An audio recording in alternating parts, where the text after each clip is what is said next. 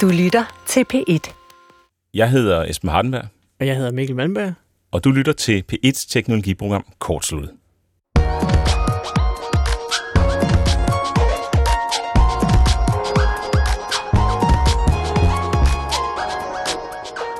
I sidste uge, Mikkel, der fortalte du mig om noget, der hedder busfaktoren. Ja, Hvad er det? det er sådan noget, man taler om i, øh, i udviklerverdenen, øh, softwareudviklerverdenen, hvor det jo øh, samtidig er sådan et stort system, at en udvikler har udviklet et hjørne af det. Og hvis så for eksempel det er det, der fakturerer alle kunderne, så er det jo en rimelig vigtig del. Og så taler man om, at man om det, der hedder busfaktoren, som er i det her tilfælde en, en busfaktor 1. Det betyder, at der er en mand, der ved, eller en kvinde, der ved alt om den her del. Så hvis de skulle gå hen og blive kørt over en bus, det kan jo ske. Vi håber ikke på det, men det kan jo ske for en hver, at man kommer galt afsted. Så, altså, så er det system jo tab, fortabt på en eller anden måde. Så skal nogen starte helt forfra med at lære det. Så man vil helst gerne have en busfaktor på to, sådan at to mennesker er sat ind i det hver del af systemet. Ja, Det er busfaktoren. Det er det, der er busfaktoren. Og det skal vi prøve at se, om det er noget, der er relevant for det, vi skal snakke om i programmet i dag, som er ikke busser, men døden. Ja. Og øh, det kommer jo Øh, med bus eller øh, på anden måde til os alle sammen på et eller andet tidspunkt. Og det er det, vi skal behandle i dag. Fordi selvom man ikke laver software, så er der jo masser af digitale spor, vi har sat i løbet af, af vores liv, som på en eller anden måde skal håndteres, når vi ikke er der mere. Og vi kan jo øh, selv gøre noget. Det er det første, vi skal snakke om. Hvad kan vi gøre, mens vi stadig lever, i forhold til at få øh, forberedt, hvad der skal ske med vores, øh, vores øh, digitale efterliv, hvis man kan kalde det det. Og det skal vi blive så konkrete, som vi overhovedet kan på. Det vil sige, hvad, hvad kan vi rent øh, faktisk gøre i dag, og hvad har vi gjort, og, og hvad tænker vi om, om hele den her situation? Og vi skal også snakke om, når man er- står som efterladt med en masse øh, data, en masse ting, som er, øh, som er tilbage efter en nær relation er, er død. Hvordan skal vi håndtere det? Og der er det måske ikke helt så, så konkret længere. Selvfølgelig er der stadig noget, vi kan, øh, vi kan vide, og noget, vi kan handle på. Men det handler jo måske også langt mere om, hvordan vi er indstillet over for, øh, over for den her situation, vi pludselig befinder os i. Ja, der er nok ikke nogen af os, der ikke øh, øh, trækker spor, som du siger. Og øh, øh, det ved jeg ikke med dig, men jeg har da oplevet at, at få påmindelser øh, på Facebook en gang øh, om fødselsdag for nogen, der faktisk var, øh, var gået bort. Og det er også en lidt mærkelig situation, hvor at, at, det, at Facebook har jo ikke nogen chance for at vide det, hvis ikke de ved det. Mhm. Mm-hmm. men, øh, men hvad, altså, kan man så gøre noget, og øh, skal man selv gøre noget, og så videre, det er jo øh, godt nok at vide. Men inden vi går i gang med temaet, så skal vi lige have en opsamling. For et par uger siden, der handlede programmet jo om makerspaces og sådan de mest anvendelige eller de bedste eksempler på, hvad de her maker-teknologier som øh, lasercutting og 3D-printer den slags, det kan bruges til. Bruges til noget fornuftigt. Bruges til noget fornuftigt. det er slut med bare at lave små, øh, små hyggelige ja. Figurer. Ej, Nå, det er jeg det skal ikke. bære. Det er det selvfølgelig ikke nødvendigvis. Men, øh, men, men der er eksempler på noget, som har, som har lidt mere plads på jorden, eller en lidt, en lidt, mere, en lidt vigtigere rolle, kan man mm. måske sige. Og noget, vi ikke nåede i sidste uge, det er en mail, vi har modtaget fra Øjvind Slato, og han har sammen med to personer, en der hedder Gudmundur Ludvig, og en der hedder Jens Præstgaard Møller, udviklet et øh, laserskåret visir, Altså i starten af, af hele coronapandemien, mm.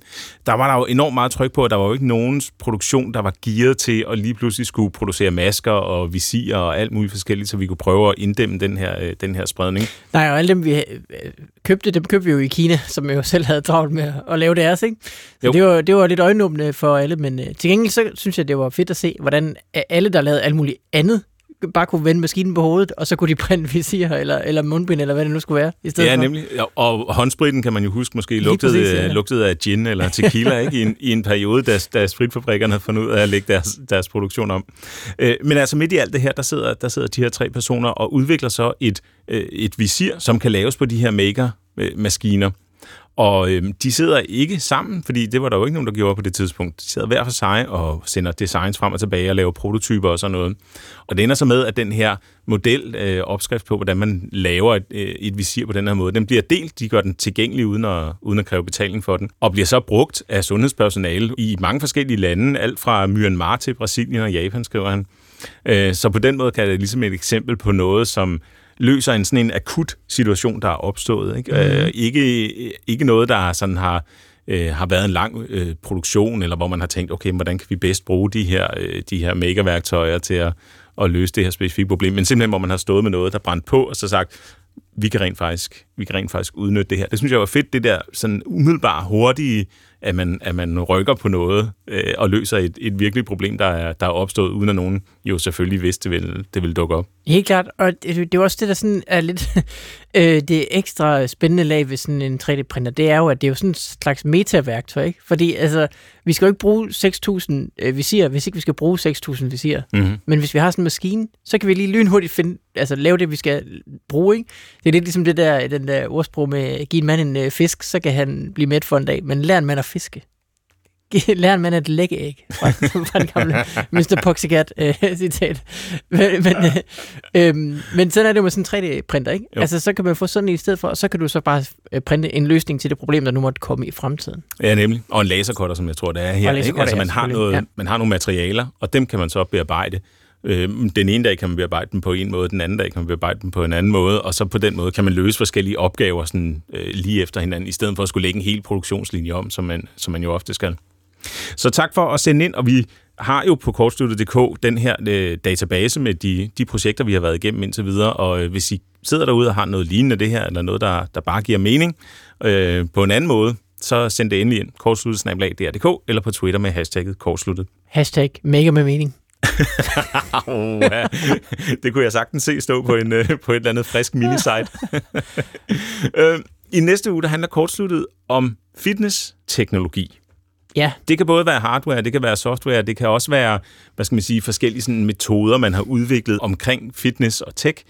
Vi er ikke øh, særlig erfarne ud i det vi der. har det ikke øh, tæt på kroppen. det har vi ikke. Som man siger. Du, du har det Apple Watch, så du er du, Det kan man sige, du har ja. det tæt på. Men Jeg har muligheden, men øh, har så ikke øh, udført øh, po- potentialet, eller hvad skal man sige. det er nemlig det. Jeg har ikke et smartwatch, så derfor er det jo umuligt for mig at, øh, at blive sund. Men der kan jo nok godt være nogen derude, der er øh, data-hungrende og simpelthen har skrevet deres egen dashboards, eller hvad ved jeg, tracker deres egne tal for, hvor mange kopper kaffe de drikker i kontra, hvor mange ture de løber osv. Mm. Altså, der, der er sikkert nogen, der går op i sådan noget. Det vil vi gerne høre om. Det vil vi meget gerne høre om, og Twitter og mail er stadig kortsluttet.dk eller hashtag kortsluttet.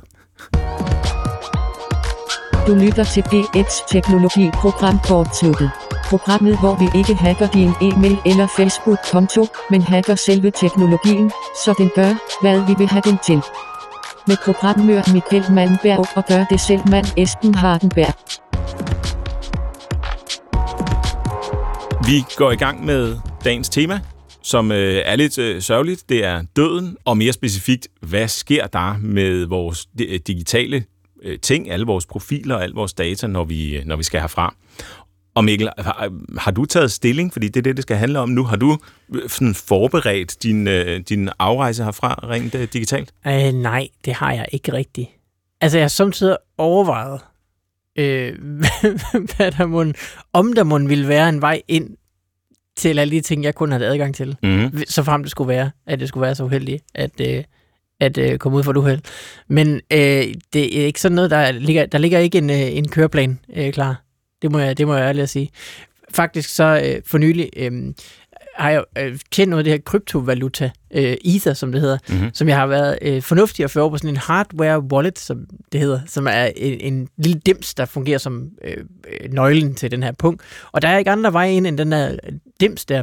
Øh, der er ligesom en anden vej at komme ind på, der er sådan en slags øh, kaos-knap, altså sådan en gendannelseskode, ja. som man har skrevet på et stykke papir. Og det stykke papir er jo så sådan set også en nøgle til den der punkt.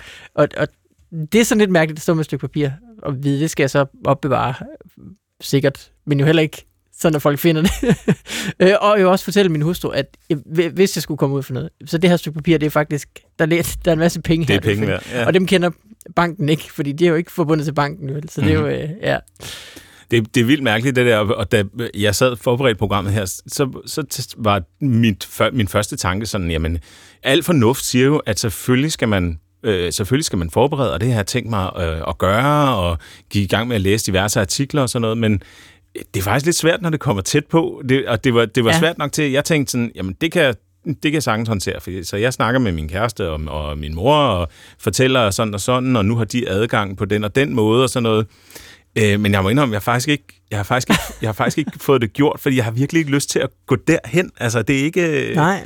Det er altså ikke behageligt, og noget af det er måske noget, en kulturel ting med, hvordan vi som, som øh, her, her i den danske kultur, vi befinder os i, øh, forholder os til døden, og, øh, og, og ikke nødvendigvis er noget, vi sådan går ind i. Ikke? Mm. Men der er jo også bare det der med, at man har bare ikke lyst til at tænke på det. det og det fylder jo rigtig meget, det gør det i hvert fald, øh, det gør det i hvert fald hos mig. Ja, altså hvad kan man sige? Man kan jo sagtens sætte sig ned og gøre det hele klar, uden at blande nogen andre ind i det. Mm-hmm. Sådan, at det er meget få instruktioner, der skulle til i virkeligheden. Øh, og så kan man sige, så, så, så kan man gøre det kort. Har vi set det sådan her? så, så lige stykke et papir ud. Så, ja. så er det overstået, så løber man med det bagefter. Mm-hmm. Øh, fordi øh, for eksempel sådan noget, så har jeg jo alle mine kodeord i One Password-programmet, som er sådan en password manager, som jo både er en god password-hygiejne, mens du lever stadigvæk, men også jo gør det øh, smart. Altså så skal min hustru jo sådan set kun kende et password, ja. øh, og så vil hun så få adgang til alle de andre. Ikke? Det, er jo, det, er jo, det er jo så behendigt, kan man sige. Øh, så sådan nogle ting kunne man jo også bare sørge for at holde styr på, ikke? Jo, som et minimum. Ja. Og lad os prøve sådan at, at, at riste lidt skarpere op, fordi ideen er jo her i, i første del af temaet, at vi snakker om sådan konkrete ting, man kan gøre, og kommer med nogle konkrete anbefalinger. Og jeg tænker, først og fremmest, så er der jo nogle forskellige sådan, kategorier af data, vi kan snakke om. Mm. Øhm, og dem, jeg har listet, og det er muligt, der er flere, men så, så må jeg lige bare, bare skrive ind til os, ikke? Men der er selvfølgelig de sociale medier, altså Conti på Facebook og så videre. Så er der, øh, jeg har kaldt den tech-gigant Conti. Det er, hvis man har en Gmail, ikke? Øh, eller en Apple-konto, eller en Microsoft-konto.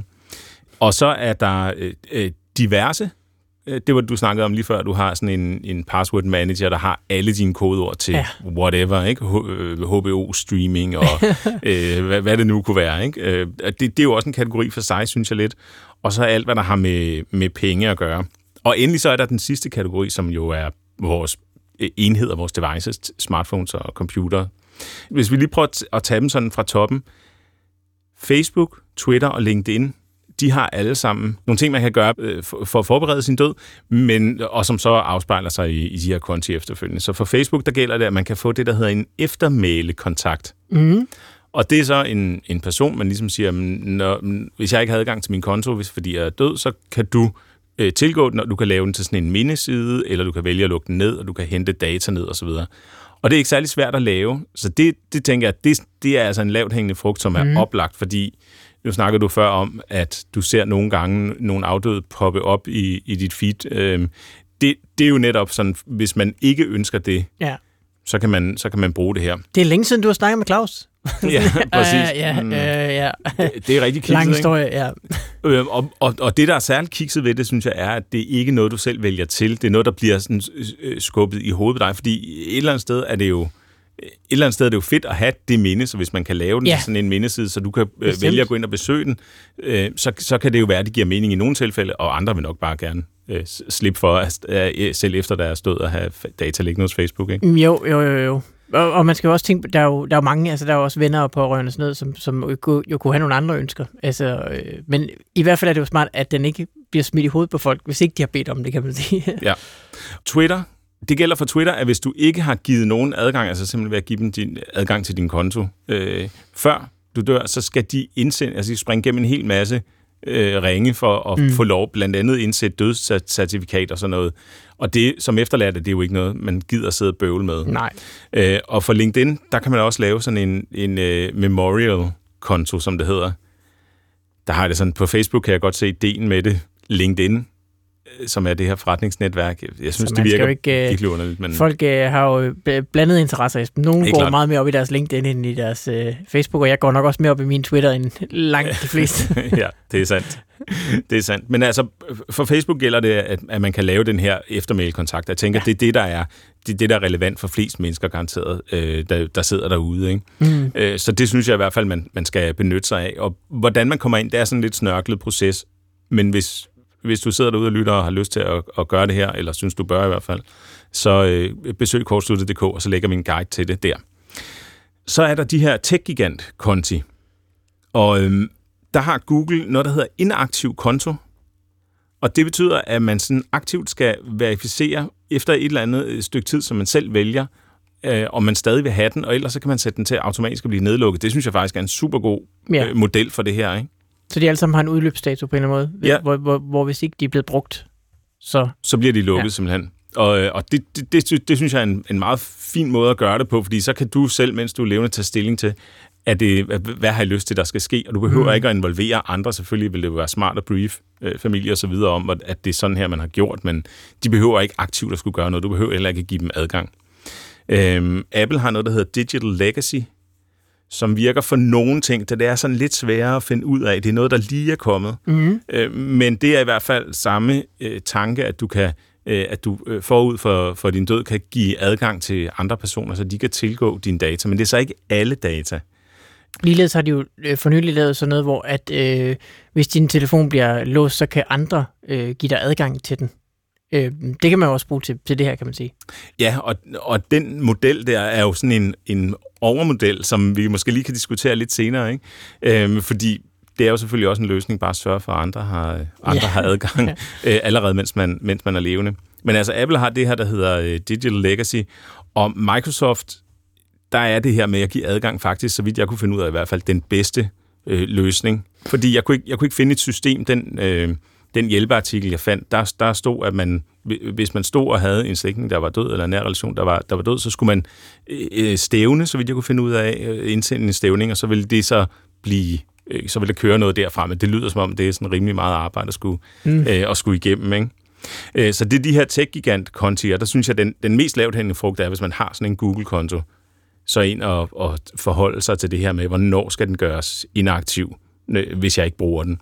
Og så, øh, hvis man så er typen, der kun bruger den meget sjældent, så vil man få en påmindelse, inden den bliver gjort inaktiv selvfølgelig, hvor der står, du har ikke været logget på i 6 måneder, øh, eller 5 måneder, om en måned, du har valgt 6 måneder, om en måned, så bliver din konto så lukket ned. Øh, det er en meget, og så kan man gå ind og aktivere den, ikke? Det er en meget fed måde. Og så var der det, du var inde på lige før, som er, øh, som er det her med en password manager, som har alle til diverse konti, som, som kan være hvad som helst, ikke? Altså øh, bruger fora på internettet og... Øh, ja, hvad ved jeg, øh, kontaktlinsabonnement og alt sådan noget der. Ikke? Og jeg har faktisk også de andre tech-gigant-konti derinde i, så øh, det vil være min øh, single point of øh, entry til langt de fleste, mm-hmm. øh, at have min kodeord af. Og øhm, hvad kan man sige, så kommer man jo også ud over, altså hvis man får rigtig adgang, ikke, til, øh, som pårørende, der skal ind og rydde op bagefter måske, øh, hvis man får rigtig adgang, altså bare har brugernavn og kodeord, så behøver man jo slet ikke altså, at tage stilling til alle de her forskellige, så kan man bare logge ind på almindelig vis og lukke den ned, ikke? Ja. Øh, så, øh, så det kan man sige, hvis man er god til at, at bruge sin password manager, man behøver ikke engang være god til det, man kan bare gøre det, mm. øh, så, så er der jo en vej ind for, øh, til langt de fleste ting, så længe det kodeord ligger der i. Ja, det er nemlig det, password manageren, eller, eller det med at have en, som er en betroet kontakt, eller hvad vi skal kalde mm. det, så, hvor du ligesom siger, alt hvad, øh, hvad jeg har adgang til, det har min hustru også adgang til, eller det har min, min bror også adgang til, hvad det nu kan være, ikke? Det er jo lidt, så kort slutter med lidt alle de her mærkelige ting, man skal forholde sig til hele tiden, fordi hvis man bare sørger for, at, at, øh, at ens busfaktor 2 øh, så har, har adgang, jamen så, øh, så, så behøver man ikke at, at, skulle, at, at skulle sætte sig ind i alle de forskellige måder at gøre det på, på de forskellige steder og, mm. og så mm. videre. Øhm, så Nej, det er altså også min, det er også min tilgang, ikke i hvert fald i princippet, fordi når man åbner min password manager, så er der jo tonsvis af kodeord, og mange af dem er ikke rigtig brugt. og, altså, Ja, men, øh, og god password-hygiejne. Altså man kan sige, hvorfor ikke bare sige til sin øh, pårørende, hvad ens kodeord er? Øh, det kunne jo være nemt, ikke? Men god password-hygiejne fortæller os jo, at du skal for det første ikke genbruge dit kodeord. Så det med at have et kodeord, du bruger til alting, det er en rigtig dårlig idé mm. i første omgang, fordi hvis nogen finder ud, ud af kodeordet på den ene side, så har de jo åbnet hele din, din tilværelse. Øh, for det andet, så øh, skal du også en gang imellem skifte kodeord, faktisk. og øh, det behøver du jo ikke gøre hver 14. dag, men altså, efter et par år er det godt nok lige at, at øh, cykle rundt i det. Øh, og så skulle du så bare komme og, og, og forpeste deres tilværelse igen, men nu skulle de lære et nyt øh, absurd langt kodeord. Så hvad kan man sige? Det med at, at have et kodeord, man så passer godt på og veksler en gang imellem, det, det, det er langt bedre, og så kan de andre ligesom ikke behøver at bekymre sig om, øh, om alle dine, dine gode passwordhygiejne. Ja, om alt det Som andet. slet ikke er besværligt. øhm, noget, som vi også skal snakke om i forhold til passwordhygiejne, det er jo det her tofaktor-autentificering. Ja. Som er, at ikke bare skal du kende øh, kodeord, der er også en, en kode, som bliver genereret, enten en sms, der bliver sendt til telefonnummer, eller en kode, der bliver genereret på en app, mm. som man skal bruge for at logge ind. Ikke? Øh, så det vil sige, at man skal, man skal både kende det rigtige kodeord, og så skal man have adgang til en enhed, som kan verificere, at, at det så er en med sådan en, Eller en tids- kropsdel, tidsbestemt kode. Eller en kropsdel, ja, ja det kan også det bliver nok besværligt på tidspunkt. det, bliver, det bliver nok rimelig besværligt. Øh, og altså, jeg må sige, min, min sådan tilgang til det her er, øh, jeg har en iPhone, og den har, øh, den, den har jo så kode-appen på, kan man sige. Så muligheden der er faktisk at, at lave, øh, altså lade min kæreste øh, scanne sit ansigt ind. Mm. Øh, det kunne lige så godt være et fingeraftryk, hvis det er sådan en telefon, man har. Ikke? Men altså scanne ansigt eller, eller telefon ind, og man skal jo så selvfølgelig beslutte med sig selv, om det er noget, man... Øh, altså, det er jo ikke alle, der nødvendigvis har det forhold, og må- måske vil man gerne bare have noget privat, og så, så bliver man nødt til at finde en anden, øh, en anden løsning selvfølgelig. Ikke? Øh, eller sørge for, at, at, at ens nære relation så har den kode-app øh, også på sin, øh, på sin øh, enhed, men så ikke kender kodeordet, før man, øh, før man er død. Ikke? Øh, det er jo også en mulighed. Jo helt klart, så er man nødt til at have begge faktorer, hvis det er sådan, det, Ja. det er sat op. det bliver noget mere, det bliver noget mere besværligt. Om, om, altså min, min løsning er, er, er i hvert fald det her med, at hvis min kæreste både kender øh, mit, mit øh, kodeord til, til password-manageren og har adgang til min telefon gennem ansigtsgenkendelse, øh, så er der faktisk adgang til, til hele paletten. Ikke? Ja, Og når man så står som efterladt, det er det, vi skal snakke om i anden del af temaet, og skal, og skal håndtere alt det her, jamen, så er det selvfølgelig overhovedet ikke øh, fedt, og det er overvældende og alt muligt, men det er bare bedre end alternativet, som er at stå og ikke kunne få lukket en Facebook-konto ned, for eksempel, uden at skulle øh, til at, at have gang i en hel masse rigtig dårlige, øh, rigtig dårlige support, og skulle sende dødscertifikater rundt Ja, ja, ja, og alt sådan noget der. Ikke? gang i pdf'erne. Ja. Så er der netbank og alt, hvad der har med, med penge at gøre. Du snakkede før om din, om din krypto-wallet. Det er selvfølgelig ja. i hvert fald endnu sådan en rimelig uh, edge case, ikke? Uh, men, men med, med modellen der, hvor man har adgang gennem, øh, gennem telefonen og med nem idé og så videre, uh, jamen der er det problem egentlig også, øh, egentlig også løst, ikke? Altså hvis man sørger for at have to-faktor delen med over i sin, i sin ja, med over i, i, i systemet der, hvis man dør, jamen så er det jo, øh, så er det inkluderet, ikke? Og udover det, så er det jo også noget, som altså, øh, advokater hjælper med. Når nogen dør, så skal boet jo gøres op, som man siger, ikke? Og Jo. så, skal, så, så kan de jo få adgang til bankkonti og øh, aktiebeholdning, tror jeg også, hvis det er sådan forholdsvis danske systemer, så er der jo øh, øh, processer for alt det her, sådan at, at, øh, at øh, det ligesom er, er vist, at du har de, de kontier, så lander de det rigtige sted bagefter. Ja, ja, det er nemlig, der er noget af det, der er systemer for, ikke? Så er Ja, det sådan lige noget med, præcis. hvis man har en PayPal-konto med penge på, det er der jo ikke nødvendigvis. øh, Eller sin krypto, ikke? Det er jo Eller- heller ikke nødvendigvis dækket af det her. Der, der er du som på så mange andre måder øh, på egen hånd. Ja, præcis, og det tæller jo egentlig øh, på samme måde som en, som en Facebook-konto, bortset fra, at der er økonomi involveret. så det gør det jo lidt mere, øh, det, det, det gør det jo lidt, lidt mere bøvlet. Og kunst selvfølgelig. Mm. Øhm, og så er der de lokale ting, som ligger på computer og på telefon. I gamle dage, der kunne man jo bare hive harddisken ud, øh, set, eller bare siger jeg, men det var i hvert fald Mhm. det, jeg gjorde. Hive, hive harddisken ud, og så slutte den til en anden computer. Og så kunne man overføre de familiefotos, der, le, der, der ligger der, og de dokumenter osv. Det er sværere i dag, fordi tingene er jo i højere og højere grad krypteret, hvilket er en god ting, når mm. de ligger der på, på harddisken. Så det skal man ikke gå ud fra, at man bare kan længere. Nej, min computer er, er krypteret, altså med macOS' indbyggede øh, file vault, som det hedder. Ja. Hvilket jo betyder, at hvis nogen napper den på øh, en café eller ud af min bilrude eller et eller andet, så, så kan de ikke bare stikke et kabel i og få alle dataene. Mm. Øh, det er rigtig smart, men det er jo så besværligt, øh, når man er øh, venligsindet og skal bruge dem, øh, eller hvad skal man sige. Øh, så, øh, så der skal man jo sørge for at også have, altså, give koden videre til selve enheden, fordi den kode låser jo sådan set op for filsystemet, kan man sige. Mm-hmm. Og på computer kan man øh, bestemme det.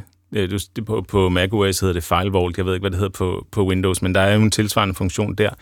På telefoner er det sådan lidt mere... Øh, altså indtil videre har vi måske stadig øh, en eller anden form for kontrol over det, men det er jo ikke sikkert, at det bliver ved med at være sådan. Og hvis det går i en retning, så er det den retning, der hedder, at øh, øh, filsystemerne er krypteret som, som udgangspunkt, ikke? og det skal vi være glade for som brugere af, af teknologi i det hele taget. Men det er klart, det, det stiller krav til, at vi også sikrer os øh, på den her måde, at der er en af vores nære relationer, der, der kender kodeordet.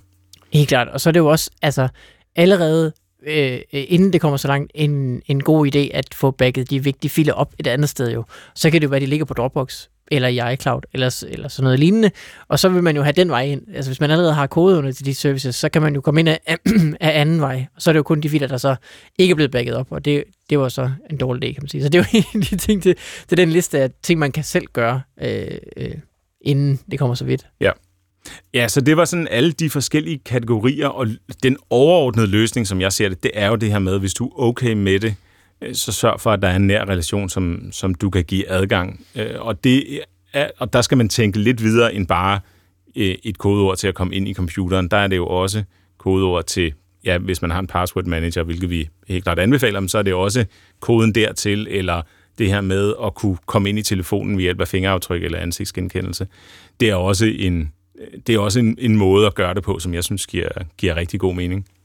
Jeg havde egentlig troet, da vi efterlyste folk, som, som havde nogle, nogle oplevelser med det her med at forberede mm. sig på sit digitale efterliv, at, at, der, at vi ville få mails fra, fra nogen, som sagde, at jeg har tænkt det fra A til Z, ikke, og lavet det her system, som automatisk går i gang, hvis ja. øh, det ene eller andet. Øh, det skete ikke rigtigt, og, og øh, måske er selvfølgelig bare, fordi det er ikke noget, man nødvendigvis har lyst til at fortælle om i radioen. Jeg synes også, det er super mærkeligt. Ikke? øh, men, øh, men måske er der også noget, som faktisk ikke særlig mange har gjort. Altså du kan se, øh, du er ikke på toppen af det, og jeg er heller ikke rigtig på toppen af det, selvom at vi øh, nørder rundt med alle mulige systemer til alt muligt forskelligt. Ikke? Jo, men det kan være, at man bare skal øh, øh, overfor sig selv fortælle historien om, at det bare er almindelig god hygiejne øh, datahygiejne, mens man er i live ja. også. Og hvis man så har det, så er der en, en, en glædelig øh, hvad skal man sige, sidegevinst ved det, er, at det så også er nemt for andre at overtage. Øh, så, så det kan være, at øh, vi skal køre en øh, intern branding-kampagne øh, for at øh, få ryddet op og holde styr på tingene. Det synes jeg vil, øh, vil være på sin plads. jeg læste, eller jeg hørte lige en, øh, en øh, genstart øh, deres fremragende øh, nyhedspodcast om øh, Julian Assange, der øh, jo er ham, øh, founderen af Wikileaks, øh, som har delt en masse klassificerede dokumenter, og han har altså også nogle af dem stadigvæk holdt tæt på kroppen, som i det tilfælde, at han skulle komme ud for noget, øh, noget, noget drastisk, så bliver de øh, frigivet, så har han sådan en knap, jo, du ved, han trykker på, og så bliver et, øh, det hele eksploderet. Ja, nemlig, det var, det var sådan noget, jeg, jeg lidt forventede, ikke? Øh, nå, men vi hører stadig rigtig gerne øh, fra jer derude, også med, med konkrete øh, problemer og, og tanker omkring det, hele den her situation, som er, øh, som er så svær. Og de ting, som vi har snakket om nu her, altså alle tips osv., dem lægger vi på kortsluttet.dk i sådan en lille miniguide, eller hvad vi skal kalde det. Og der, det kan I så selvfølgelig gå ind og, og se, hvad det er, vi har fundet frem til. Skriv gerne ind, hvis I har forslag til, hvordan vi kunne udvide den, eller andre tips osv. Mailen er kortsluttet.dk, og I kan også skrive på Twitter med hashtagget kortsluttet. Vi vender tilbage til dagens alvorlige tema øh, inden så længe, men lad os lige tage en uh, detur en afstikker? En afstikker. Til noget, som øh, jeg har set på i ugens løber, som jeg ved, at du også ved en masse om, som er 3D-indhold på internettet. Mm-hmm. Og jeg kan sige helt specifikt, det jeg har, øh, har set, det var en eller anden, der delte noget på Twitter og sagde, se hvor imponerende det her er, øh, det er til et forlag, der hedder Stripe Press. Det er jo øh, øh betalingsgateway firmaet og så meget andet Stripe, som er for vane at øh, lægge internettet ned, hver gang de laver en ny hjemmeside, fordi de simpelthen er så flotte. Mm-hmm. Og det er den her altså så også i særdeleshed. Og en, en forlags hjemmeside, der, der plejer man jo at se covers på, mm. øh, på, på de udgivelser, forlaget har og så videre, sådan lidt med, at man ser øh, øh, billedet foran. Ikke? Øh, den her, den fungerer anderledes, fordi det er 3D-objekter, og så skal man ligesom sådan scroll ned igennem dem, og så ser man bogryggen ligge. Og den er gengivet som i, i sådan en 3D-model, mm. som er inde i ens, øh, i ens browser.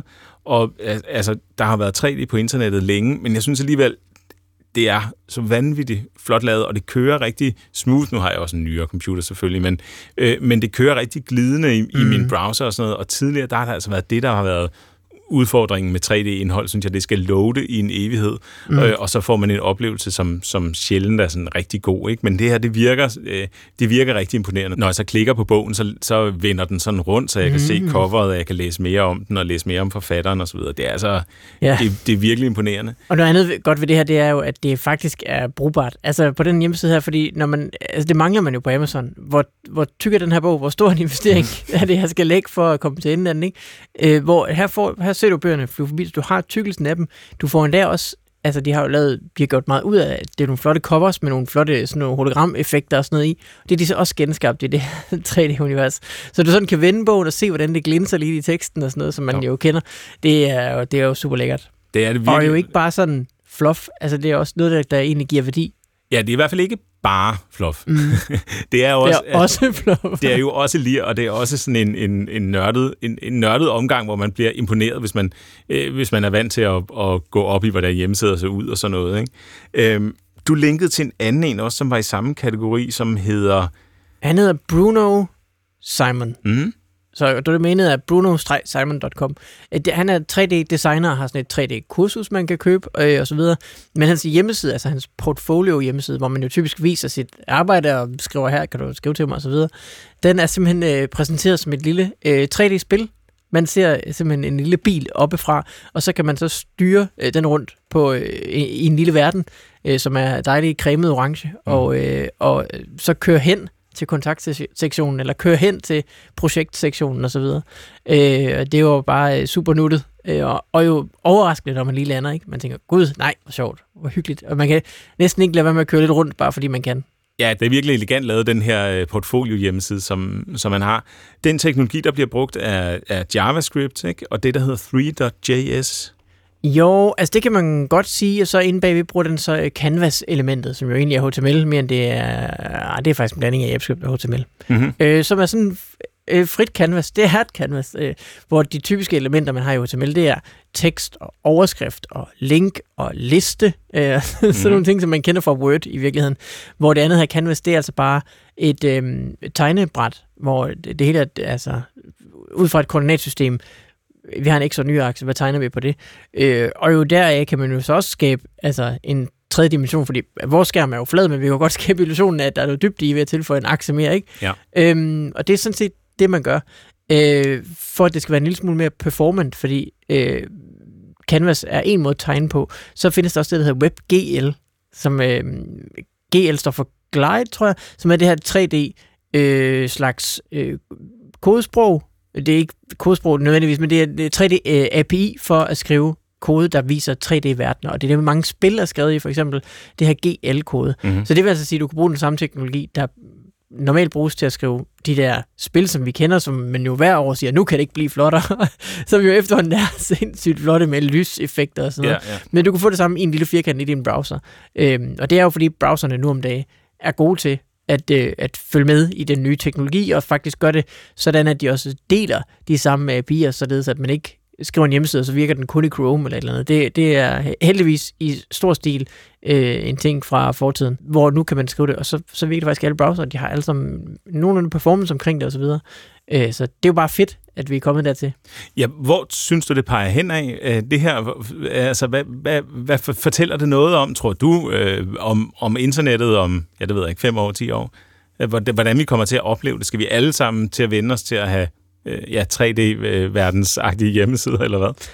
Altså det, det tyder jo i hvert fald på, at for at kunne skabe en 3D-oplevelse, så behøver man ikke at have en, et, et program, program for sig. Altså så kan man godt bo i browseren.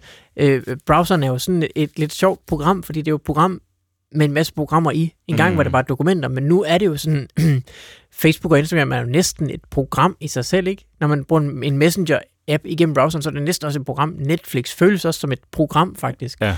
Øh, og, og, øh, og så har det hidtil været sådan, at jamen, når du er inde i browseren, jamen, så, så, så gør det på bekostning af noget performance. Altså, du, der er nogle ting, du kan i et spil, som du ikke kan i en browser, fordi det er bare sådan lidt inden i en ting, inden i en ting, inden i en ting. Mm. Men det kan man jo så se nu, at det bliver, den, den barriere bliver mindre og mindre. Øh, browseren har den fordel til gengæld, at, at du skal ikke installere noget.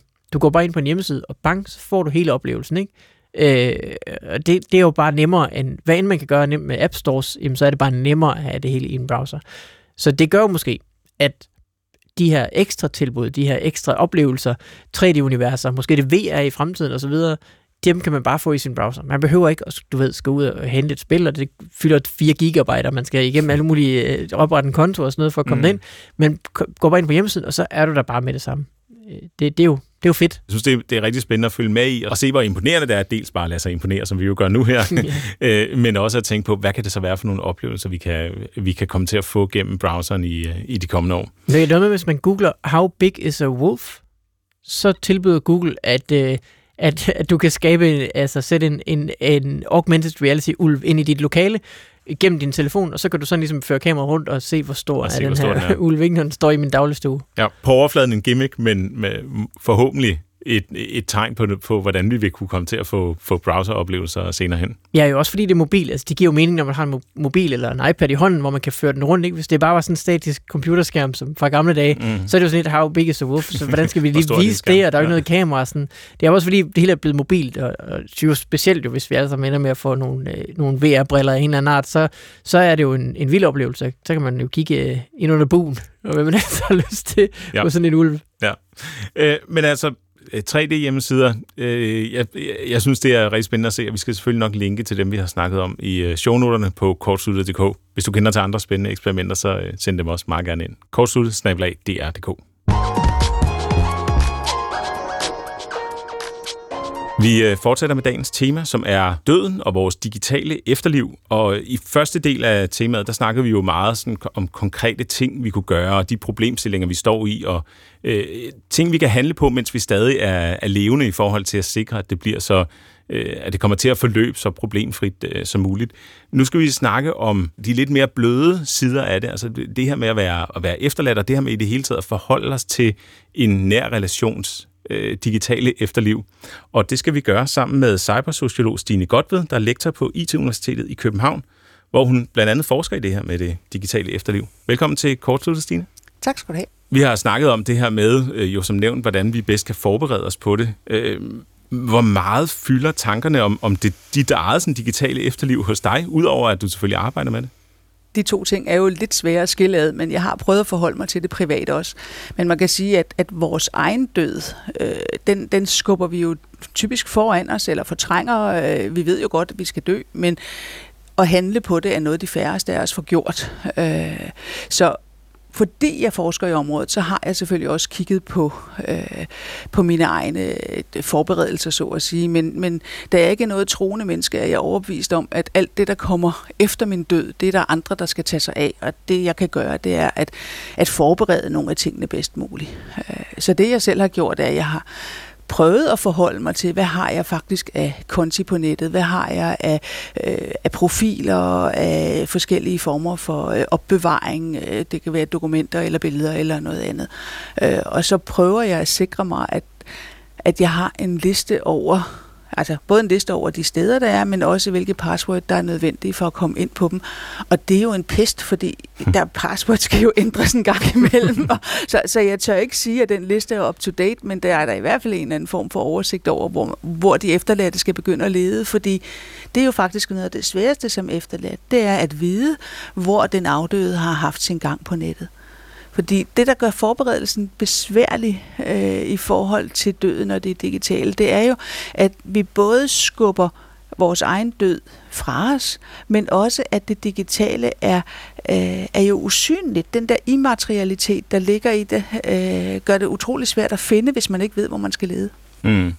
Nu, nu snakkede vi i første del af, af temaet om, hvad man kunne gøre i, i specifikt med Facebook, og måske skal vi lige komme med en, en advarsel. Du har sendt mig et øh, sådan et flow-diagram over, øh, hvis man ikke har, har lavet sådan en, en, øh, en nær kontakt, der kan overtage, inden man dør øh, hvad man så skal gøre for at få lukket en, en, øh, en afdøds Facebook-konto. Vil du prøve at forklare, hvad det, hvordan det fungerer? Kunne du finde hoved og hale i det? Nej, på ingen måde.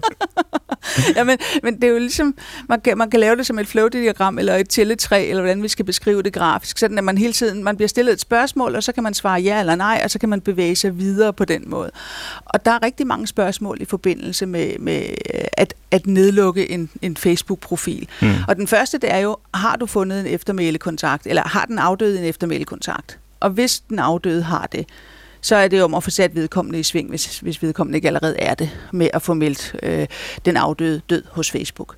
Øh, men man kan også sige, at der er mange, som ikke ved, om der er oprettet sådan en konto, og så skal man faktisk ind på Facebook-profilen for at se, om der er lavet en eftermælekontakt.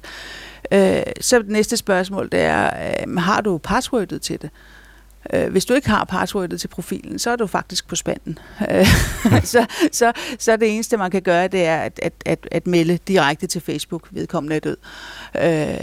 Og så kan man enten anmode om at få nedlagt profilen, eller om at få den memorialiseret. Mm. Og Men- den, den proces, kan jeg måske lige indskyde, har jeg selv været igennem, og det er ikke bare, Nej. øh, det, er ikke, det er ikke sikkert, det lykkes overhovedet. Altså. Da- Jeg har hørt alt fra fire dage til hele år, så, så, men, men man kan også godt forestille sig, øh, nu, nu er det jo ret usikkert, hvor mange profiler Facebook faktisk har, og hvor mange af dem, de faktisk har, der stadigvæk er i live. Der er, der er et meget stort mørketal der, vi kan ikke få adgang til Facebooks data. Mm. Men uanset hvad, så er der en hel del Facebook-profiler hver eneste dag, der dør. Og så må man prøve at forestille sig Facebook, der sidder der og skal håndholde en proces, hvor de skal sammenligne profiler med indsendte dødsannoncer, øh, eller dødsattester, øh, eller andre former for nekrologer, eller hvad, hvad man som pårørende nu har som bevis på, at øh, vedkommende er død. Øh, Og det er jo en ekstremt håndholdt proces, øh, så jeg kan sagtens forestille mig, at der er adskillige trin, hvor det både kan gå galt eller øh, blive forsinket. Ja, og, og det her flow-diagram, som, som øh, du begynder at fortælle om, altså det fortsætter jo så ikke med ja, tonsvis af øh, veje og ting, man skal gøre og, og øh, ikke gøre, altså for, for til sidst at komme igennem det her og havne der, hvor, du- hvor du så, som du siger, så kan det, øh, så kan det tage alt mellem fire dage og, og flere år. Mm, ja, jamen det, det, er, det, det er et område, som er... Øh, jeg synes, det er meget interessant at kigge på, og samtidig så er det ret frustrerende, fordi det er svært at få adgang til, til andet end, øh, øh, end anekdoter, så at sige. Øh, fordi Facebook ikke deler deres data. Øh, jeg har ikke nogen fornemmelse af, hvor mange de formelt døde om dagen, for eksempel.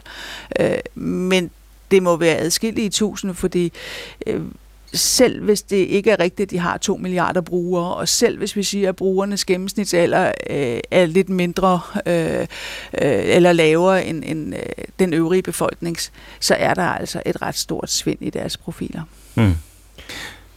Har du nogen sådan opfattelse af, hvor, hvor vigtigt øh, øh, folk synes, det er øh, for dem selv at få deres profiler sådan øh, lukket og, og, og slukket efter deres død? Eller øh, alternativt, hvor vigtigt det er for pårørende, at, at jeg, jeg, har, jeg har gennem flere år undervist på, øh, øh, på sovuddannelsen, øh, så, som er sådan meget, meget kort fortalt øh, øh, efteruddannelse i sovhåndtering for varme hænder.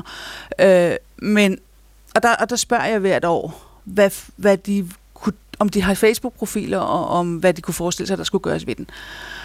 Og øh, det næsten automatiske svar hos de fleste, det er, at den skal bare nedlægges, når jeg dør. Mm. Der, skal, der skal ikke være noget efter mig, når jeg dør. brænde alt? Og, der, og, og det er så noget af det, som jeg udfordrer, fordi det mener jeg faktisk er forkert. Øh, jeg tror, at vi, vi kan ikke som, som på forhånd afgøre, hvad der har værdi for vores efterladte. Og hvis man har været en aktiv Facebook-bruger, så har ens profil værdi for de efterladte som en del af det mindemateriale, man skal igennem for at komme igennem sorgen på en ordentlig måde. Altså at nedlægge sin Facebook-profil per automatik, det svarer til at tage familiealbummet med i graven. Mm. Altså, hvorfor, hvorfor er det, man vil det? Der ligger en masse værdifuldt materiale. Hvis du er en aktiv Facebook-bruger, så afspejler din profil, øh, din humor, din smag, øh, din, mm. din omgangskreds, dine interesser, din musiksmag, hvad som helst. Så på den måde, der er, der er det øh, meget, meget kortsigtet, synes jeg, øh, bare at sige, at den skal nedlægges. Og det er der, man skal gå ind og sige, jamen, jeg udpeger en eftermælekontakt, som hvis der ikke er noget at bruge min profil til, så kan jeg vedkommende nedlægge den efter tre måneder, for eksempel. Men lad være med at nedlægge den per automatik. Det, det, det er jo virkelig interessant det der, fordi det, det var også min første tanke, da jeg tænkte, okay, nu skal, jeg, nu, nu skal jeg forholde mig til det her spørgsmål, så skal jeg forholde mig til, hvordan får jeg lukket Facebook-profilen ned. Mm-hmm. Men, det, men det er jo ret, det er jo en ret god pointe, det her med, at det faktisk er et udtryk for, øh, hvem jeg er, og for min efterladte er det noget, der, der kan have øh, potentiel værdi. Ja.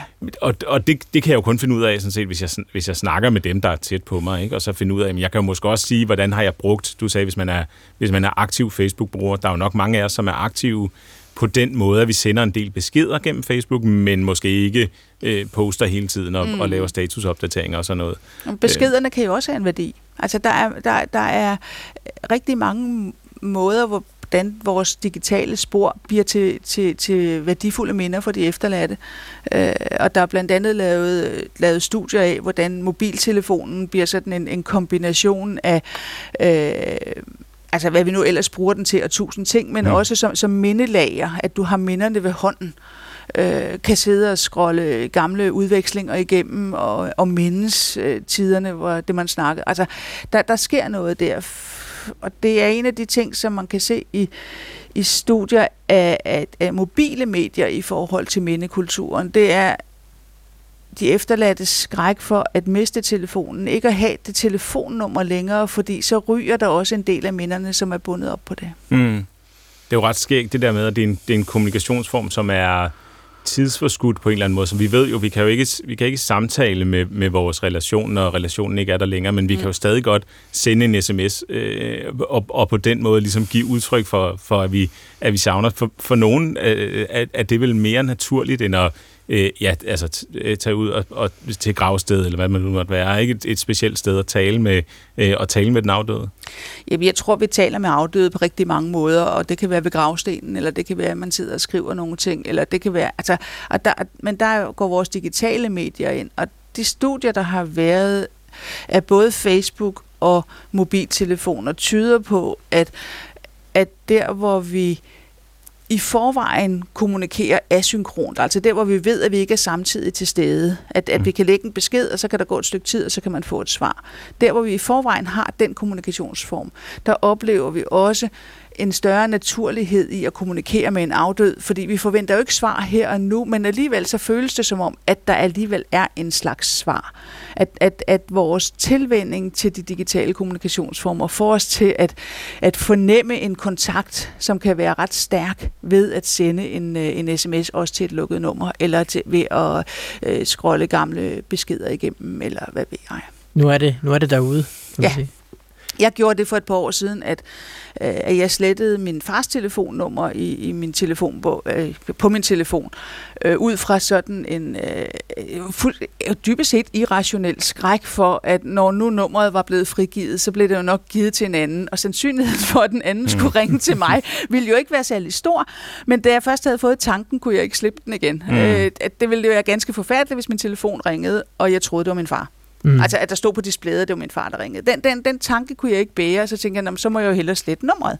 Det, jeg ikke havde forudset, eller gennemtænkt, det var, at da jeg slettede nummeret fra telefonbogen, så røg alle vores sms-udvekslinger også. Ah. Heldigvis var de ikke meget vigtige, men jeg kunne mærke alligevel, at det var et tab.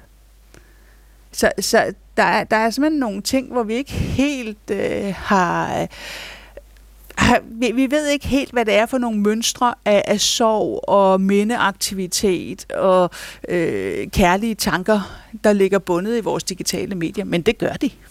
Så på den måde kan man sige, ligesom med alt andet på nettet, mens man er levende, ikke, så man, man, kan, man kan dårligt regne med, at noget er der for evigt. Øh, selvom at det kan synes sådan, så, så er det nok ikke. Så man burde nok måske på en eller anden måde, hvis man øh, se, altså, har stor værdi i sådan en sms-korrespondence mm. eller en Facebook-profil eller sådan noget, finde find, find ud af en metode at eksportere det på, så man kan have det i sin egen øh, gemmer. Ja, Altså, det, det ville jo under anden omstændighed være en god idé, og det, altså, nu er Facebook så stort, at det er svært at forestille sig, at det lige krakker i morgen, men mm det har jo været en af udfordringerne med de forskellige øh, mindeaktiviteter, mindedomæner, øh, virtuelle kirkegårde, hvad vi skal kalde dem, at der jo ikke er nogen som helst garanti for, at, at det bliver ved med at bestå. Øh, nu, nu er vi her i studiet jo, øh, og også en del af vores lytter i hvert fald, sådan rimelig nørdet øh, anlagt. At, vil det give mening at lave et, et system, altså, som, som ligesom sørger for, at, at jeg, når jeg nu lever mit liv og poster på Facebook, så kunne man jo sagtens tro, at alt, hvad jeg postede der, det ville jeg kunne lave et system, som så også samlede på min øh, her er Esbens digitale øh, personer, så, som, som bare blev bygget, bygget på og bygget på. Øh, altså, er det, er det noget, der, der vil have værdi, tror du? Eller hvad, ja, hvad tænker du om det i forhold til, om, øh, om det er smart eller ej? Umiddelbart så tænker jeg, at det er en forfærdelig fordobling af en hel masse, som sandsynligvis er overflødigt. Men altså... øh, der, der er og jeg har faktisk ikke kigget på det for, i de seneste år, men der har i hvert fald tidligere været adskillige øh, amerikanske services, som har tilbudt at lave sådan en loggerfunktion. Mm. Men, men, men det, det, det forskyder ligesom dobbeltheden, ud over risikoen for, at den ikke består. Øh, så, så, vil det, så vil den hele tiden være afhængig af, at du, at, at du får sat systemer op til at gemme, og du får, ja, at, du, at du ved, hvad det er, der er vigtigt at gemme. Ja. Fordi den næste udfordring er jo, at der er garanteret utrolig meget af det, vi går og foretager os på nettet til daglig, som ikke har nogen værdi for de efterladte. Jo. men at finde ud af på forhånd, hvad der har værdi. Man kan snakke med de efterladte om det, men de ved det heller ikke, Mm. før det ligesom er, er, er sket, kan man sige. Og hovedomdrejningspunktet her er, at det, der har værdi for mig, øh, når, når jeg er levende, er ikke nødvendigvis det samme, som har værdi for, øh, for, for mine efterladte, når jeg engang ikke er her længere. Altså, så på den måde kan jeg jo sagtens sidde og skrive et rigtig fint blogindlæg om, øh, om, om en, en eller anden tanke, jeg har, som, som jeg lægger rigtig meget i, men mm. måske er det en eller anden dum vittighed eller et eller andet andet, som, som egentlig er det, som folk gerne vil mindes ved mig. Ikke? Det, det, det er den, som trigger, at de kan huske, hvordan Ja. det var. Ja, at det, det er meget svært at forudsige. Og man kan også sige, at det vi arver i dag, er jo også væsentligt anderledes øh, end, end tidligere generationer. Øh, hvor, hvor noget af det, jeg har fra, fra min familie, det er jo, øh, det er jo musik, og det er, det er bøger, og det, det er ting, som, som vi i dag primært øh, streamer. Mm-hmm. Enten streamer vi, eller også har vi købt det hos, øh, hos Apple, som tager det hele tilbage, når kontoen bliver lukket. Ja. Ja. Eller øh, det, vi har ikke på den måde øh, nogle ret mange håndfaste beviser på, på smag og kulturel øh, retning, og hvad man kan kalde det, i forhold til, til musik og litteratur. Og det kan jo være en af grundene til, at, at, øh, at billeder og, og, og tekstudvekslinger på de sociale medier pludselig får en ekstra værdi, fordi mm. at, at det, bliver, det bliver det mest håndgribelige, vi har øh, på, hvem personen var. Ja, men det er vel et tab, at vi ikke, at vi ikke har det mere? At der ikke er en, en, en øh, pladesamling, siger jeg bare, fordi det er noget, jeg går op i, men mm. øh, øh, at give videre, altså er, er det ikke det, eller? Det kommer jo ind på, hvordan de efterladte har det med det. altså, så, så, som kommende efterladt, så må man jo så begynde at, at, at, at bede de andre om at investere i bøger og musik, hvis det er sådan, man har det. Men det, det virker altså ret, øh, ret mærkeligt, ikke?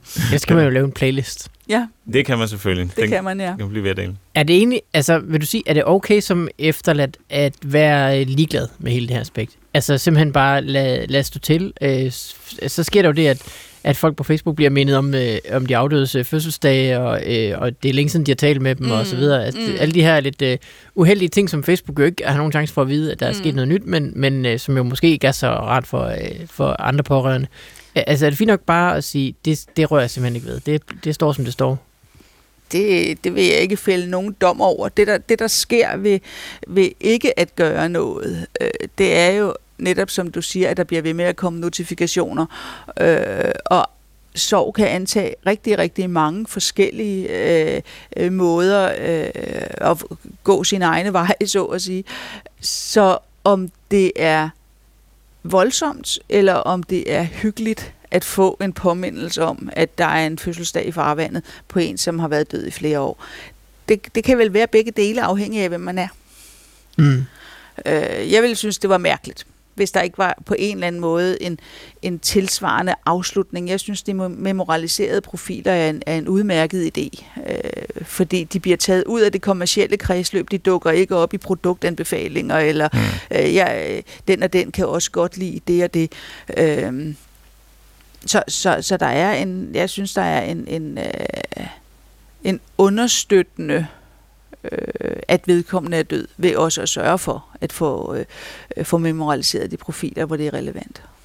Der er jo selvfølgelig også det aspekt med, at nu, nu snakker vi meget om det her ud fra sådan en, at man er en, en nær kontakt til den, der, til den, der er død, men mm. der er jo mange, der har, der har 600 Facebook-venner for eksempel, mm. ikke? Og, og for øh, alle de øh, 580, som så ikke er nære, øh, er nære kontakter, jamen der, der, kan det jo, der er det jo også ubehageligt. Øh, Det er jo ikke efterladte som sådan, vel? Men, øh, men, men det er jo stadig noget, hvis de altså kender til omstændighederne, selvfølgelig. Jeg skulle til at sige, hvis de kender til det. Ja. Fordi det kan også godt være, at de ikke ved det. Hvis man ikke har gjort nogen ting, og dem, man er i Facebook-kontakt med, i hvert fald typisk i min generation, der er det jo, der er det jo øh, folk, man ellers ikke rigtig har kontakt med. Mm. Så hvordan de vil opdage det, det ved jeg faktisk ikke, hvis det ikke bliver annonceret på, på Facebook-profilen. Men der er også, igen, der er rigtig mange måder at bruge Facebook på, og de, de helt unge bruger det væsentligt anderledes, end, øh, end jeg gør. Jeg er sidst i 50'erne. Øh, at der, jeg tror, at, at hvert årti ligesom har sin måde at, øh, at agere på på platformen. Så på den måde er det også svært at lave fælles regler, udover at man, det er noget, man skal forberede sig på. Mm-hmm cybersociolog Stine Godved, der er lektor på IT-universitetet i København. Tusind tak, fordi du var med i Kortsluttet. Det var så lidt. Ja, det er så et øh, svært og, og komplekst emne, det her. Både jo selvfølgelig at skulle forberede sig på det, og også at øh, stå som, som efterladt. Men altså opsamlingen på hele programmet her må være, at det selvfølgelig er det bedre at gøre noget og prøve at håndtere det her, også selvom man ikke kan finde ud af at komme tæt på, øh, hvad man egentlig ønsker for sit eget digitale efterliv osv., end, end bare at skubbe det foran sig, ikke? Jo, og så synes jeg, det er en, øh, det var en god pointe, at, øh, at det der med at bare øh, brænde alt, lige snart man er væk, det er måske faktisk en dårlig idé. Fordi man kan sige, altså, du er der jo ikke, så, mm. så, så det er jo heller ikke dine behov, der skal stilles. Det er jo de andres behov. Så, så derfor er det jo fint nok at lade dem bestemme, øh, hvordan de vil øh, håndtere den, den sag. Ja, lige præcis. Og, og, og det var jo, jeg som også nævnte, min udgangspunkt for det hele, var jo bare, jamen selvfølgelig skal det, altså, skal det bare fjernes fra, fra nettet, ja. ikke? Men det, det skal det jo ikke nødvendigvis. Altså, det, det, det behøver ikke at være sådan. Nej. Og hvis vi skal lige øh, her til sidst nævne, at, at uh, først i programmet, der snakkede vi jo om alle de her meget konkrete ting, som vi så kan gøre, og, og hvis vi vil og ønsker at benytte os af det. Og vi har altså den her liste på kortstudiet.dk, en lille guide til øh, med alle de forskellige links og alle de forskellige informationer, som, som I kan tilgå der. Så kortsluttet.dk, hvis I vil det. Kommentarer på det her program, eller bare generelt, det kan I sende på kortsluttet eller på Twitter med hashtagget kortsluttet. Og vi vil stadig meget gerne høre i forhold til næste uges program om øh, tech og fitness, mm. hvis du er en, øh, en techet øh, fitness-ekspert eller total øh, gadget-nybegynder og, øh, øh, og, og slet ikke kan finde ud af det her, men mangler noget retning, så, øh, så er mail og, og Twitter også åben. Hvis du har tracking-dioder påsat dig i øjeblikket, så er det bare med at skrive med sammen. Så skriv fra dem men, men også måske, hvis du har øh, en øh, personlig øh, take eller holdning til det, vi har snakket om i dag, fordi det blev jo bare øh, lidt vores øh, take på det, og så selvfølgelig Stines hjælp. Ja. Men, øh, men det er jo interessant at høre, om der er nogen, der har gjort sig konkrete tanker om det her. Kortsluttet er slut for i dag. Vi lyttes ved igen i næste uge. Tak fordi du lyttede med.